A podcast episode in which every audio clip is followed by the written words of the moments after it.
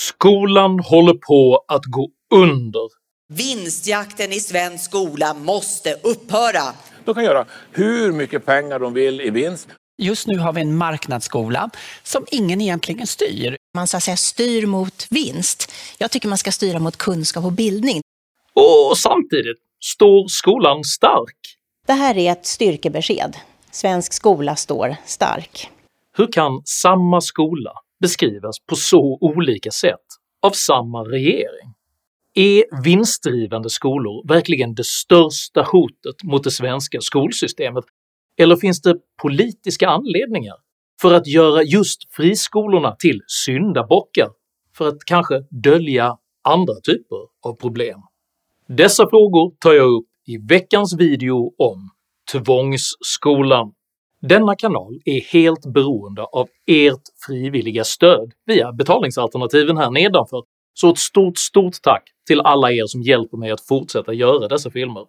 Jag släpper en ny video varenda lördagsmorgon klockan 08.00, så se till att prenumerera, bli notifierad och att skriva upp dig på mitt veckobrev.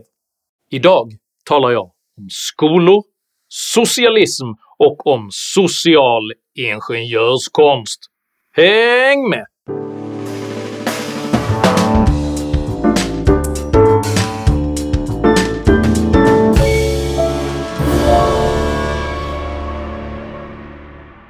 Attacken på friskolorna är ursinnig, öronbedövande och koordinerad. Det finns aktörer som använder pengar som vi betalat in i skatt, avsätta till lärare och suddgummin, till att istället finansiera lyxvillor på Floridas östkust eller besök på sexklubbar i Thailand. Statsministern ställer suddgummin mot sexklubbar i sin rasande attack på vinstdrivande skolor.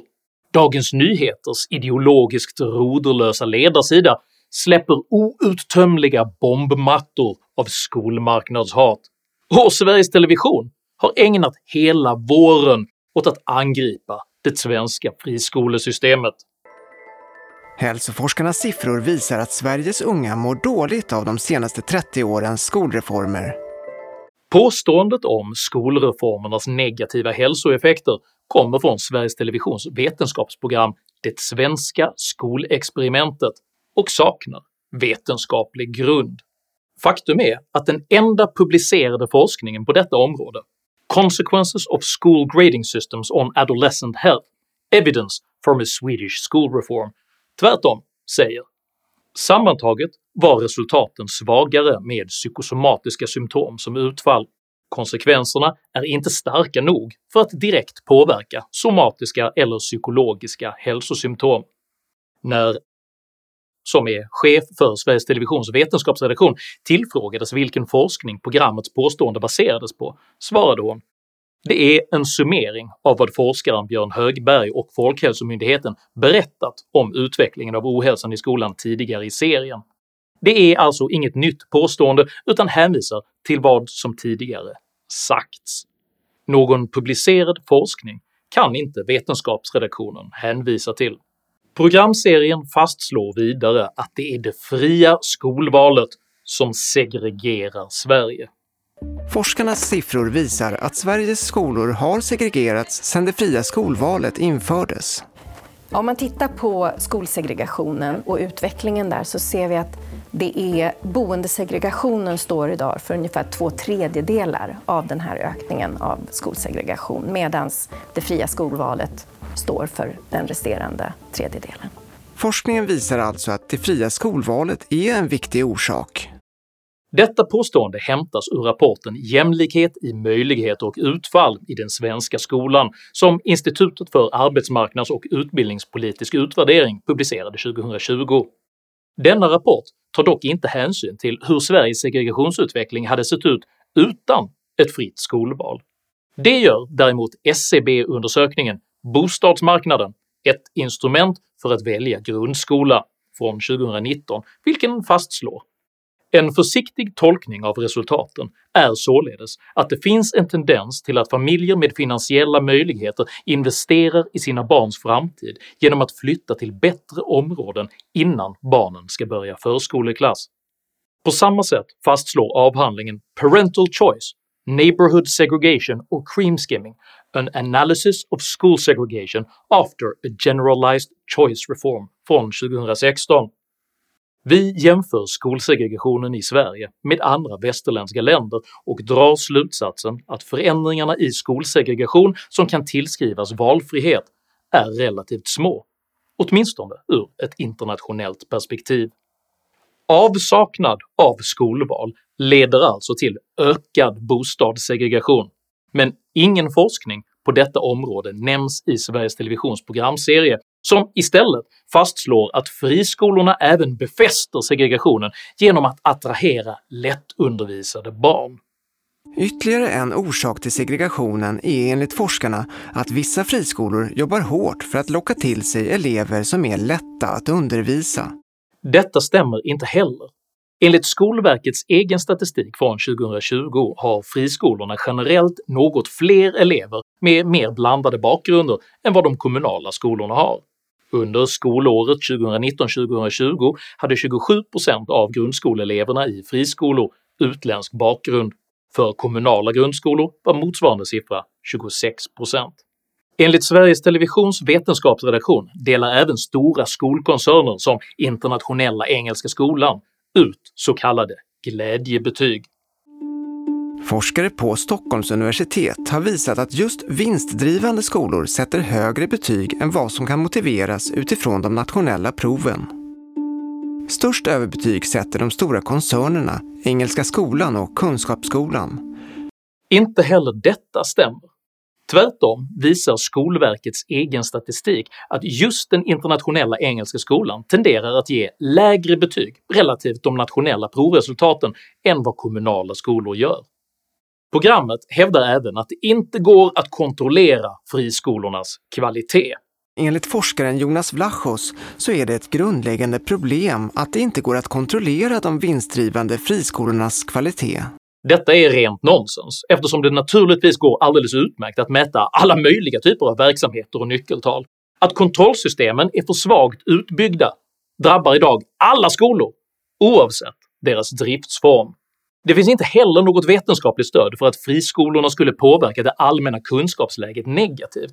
Tvärtom fastslår forskningsrapporten “Independent Schools and Long Run Educational Outcomes Evidence from Swedens Large-Scale Voucher Reform” Vi ser att en ökning av andelen elever i fristående skolor förbättrar utbildningsprestationen både för grundskolan, gymnasiebetygen, universitetsstudier och antalet studieår. Vi visar även att dessa effekter är väldigt robusta.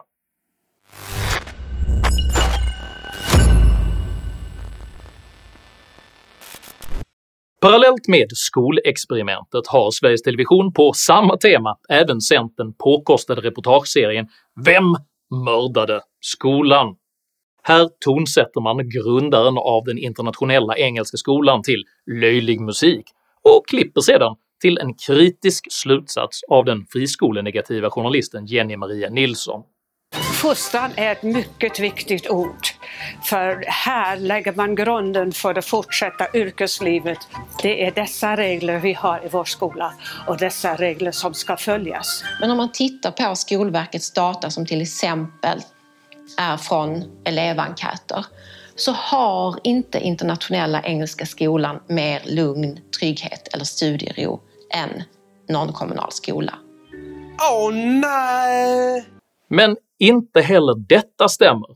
Om man sammanställer Skolinspektionens egna elev och lärarenkäter specifikt för Internationella Engelska Skolan visar det sig att just denna skola faktiskt är bättre än majoriteten av de 141 kommunala huvudmän som undersöktes 2021 i kategorierna ordning, studiero och trygghet.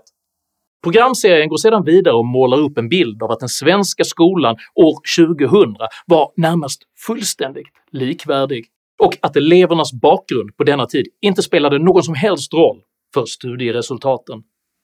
År 2000 var Sverige ett av de mest likvärdiga skolsystemen i världen, där elevernas bakgrund nästan inte spelade någon roll för deras resultat. Även detta är felaktigt. Familjebakgrundens inverkan på elevbetygen har varit tydlig så länge man har gjort mätningar.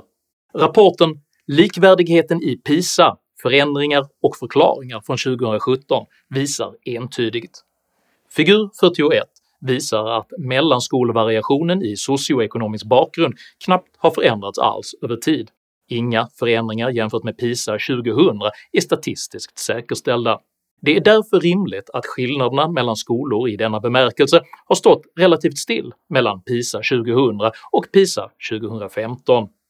Programmet fastslår vidare att ojämlikheten ökar i den svenska skolan, vilket antyds vara ett resultat av att det finns vinstdrivande skolor.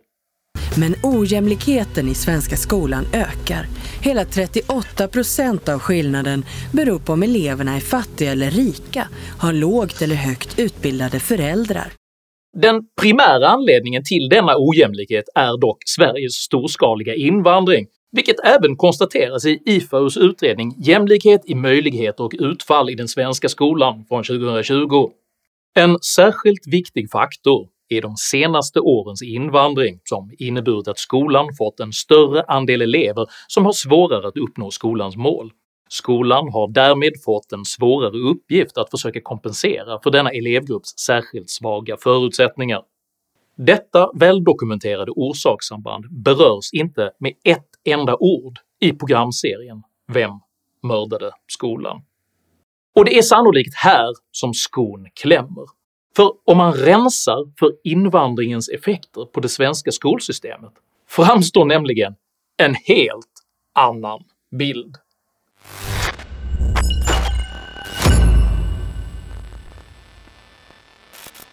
I den grundligt ignorerade rapporten “Kunskapsskolans återkomst” från juni i år bryts elevunderlaget med två utlandsfödda föräldrar ut från de övriga skolresultaten med konsekvensen att Sveriges skolresultat enligt både PISA, TIMSS och ICCS är klart bäst i Norden. Den svenska elevpopulationens resultatförändringar blir på grund av det storskaliga inflödet av elever med utländsk bakgrund således missvisande gällande skolsystemets kvalitetsutveckling. Undersökningen visar att de kunskaps-, likvärdighets och kvalitetsproblem som återkommande tillskrivs just friskolesystemet i själva verket stammar ur en demografiförändring där den ökande andelen elever med utländsk bakgrund idag ofta kommer från andra länder än vad de gjorde för 20 år sedan. Faktum är att de svenska skolresultatens utveckling blir helt obegriplig om man ignorerar elevunderlagets demografiförändring. Sverige sticker ut om man jämför med andra rika länder. Var sjunde elev här går ut nian utan godkända betyg. Det är anmärkningsvärt i ett land som Sverige som ju betraktar sig som en kunskapsnation och där vi har ett näringsliv som är mer kunskapsintensivt än i väldigt många andra länder. Men vi ser en väldigt radikal minskning i Sverige efter 2012, mellan 2012 och 2015 som gör att Sverige i slutet av mätserien hamnar under genomsnittet för övriga länder fast vi är klart över i början.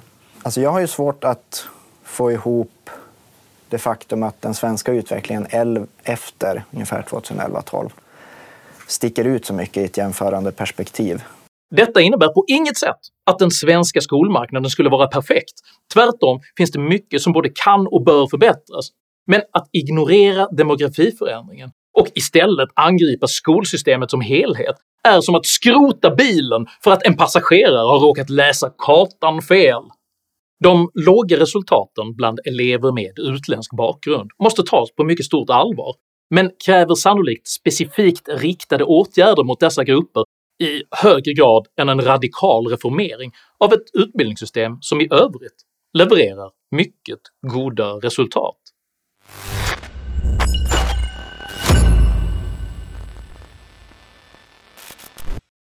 85% av Sveriges skolor är kommunala. Vinstuttaget står för mindre än en promille av skolans totala kostnader. Skolor som Internationella Engelska Skolan är några av de mest framgångsrika och efterfrågade i landet. Ändå är det ständigt den fria driftsformen som angrips och skuldbeläggs. För Sveriges plötsliga segregation är inte den privata driftsformens fel utan ett resultat av Sveriges unika migrationspolitik, vilken just nu förutsägbart resulterar i “white flight”. Men visst, om man har som politisk utgångspunkt att folket genom social ingenjörskonst bör tvingas samman i ett storskaligt demografiskt experiment, då är det rimligt att attackera valfriheten. Men det är fortfarande inte den fria driftsformens fel att Sverige har segregerats. För detta har Sveriges politiker klarat av att göra helt på egen hand. Oviljan att erkänna demografiförändringarnas inflytande på de svenska skolresultaten har nämligen aldrig handlat om hänsyn till de invandrade elevernas situation, utan om att använda den politiskt självförvållade segregation som just nu påverkar i stort sett alla politikområden som en hävstång för socialism. Sverige ska ta tillbaka den demokratiska kontrollen över skolan. Uttryck som att “återta den demokratiska kontrollen över skolan” är kodord för att överföra beslutsmakten från elevernas föräldrar till statsmakten. Krav på en allsidig social sammansättning i skolan betyder social ingenjörskonst, där skolklasser ska komponeras utifrån ett politiskt ideal. Och geografiskt baserat urval med skolskjutslösning är en omskrivning för att elever ska transporteras med buss för att denna sammansättning ska kunna uppnås. För det är faktiskt exakt så det står i lagrådsremissen “Ett mer likvärdigt skolval” från den 1 februari i år. Samtidigt hävdar utbildningsminister Anna Ekström och hennes centerpartistiska stödtrupper att det inte finns något förslag om bussning av elever från något parti.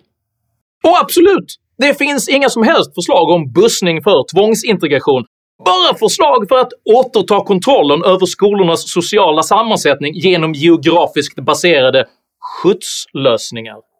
Detta är inget mindre än ett nyspråksbaserat försök att ersätta friskolesystemet med ett tvångsskolesystem. För att kunna genomdriva denna storskaliga sociala ingenjörskonst måste det svenska folket förmås överlämna beslutsrätten över sina egna barn till statsmakten. Detta försöker man nu övertyga dem om att man ska göra genom att anklaga den privata driftsformen för migrationspolitikens alla sociala, ekonomiska och kulturella problem. Frågan som en ansvarig förälder nu bör ställa sig är “Är det verkligen rimligt att tro att samma människor som har skapat denna situation också kan korrigera den, bara de får makten över dina barn?” För det är vad som ytterst står på spel i skolfrågan. Makten över dina egna barn. Du eller staten? Valet är ditt. Om du uppskattade innehållet i denna video så hjälper det mig mycket om du delar den med dina vänner och kanske till och med stöttar mitt arbete via något av betalningssätten här nedanför. Dela gärna med dig av dina egna åsikter och erfarenheter i kommentarsfältet här nedanför, men jag ber dig att alltid vara artig. Jag accepterar inte aggression, personpåhopp eller rasism i mina idédrivna kommentarsfält. Tack för att du som kommenterar respekterar detta. Jag heter Henrik Jönsson och jag vill bestämma över mina egna barns framtid. Tack för mig och tack för att du har lyssnat.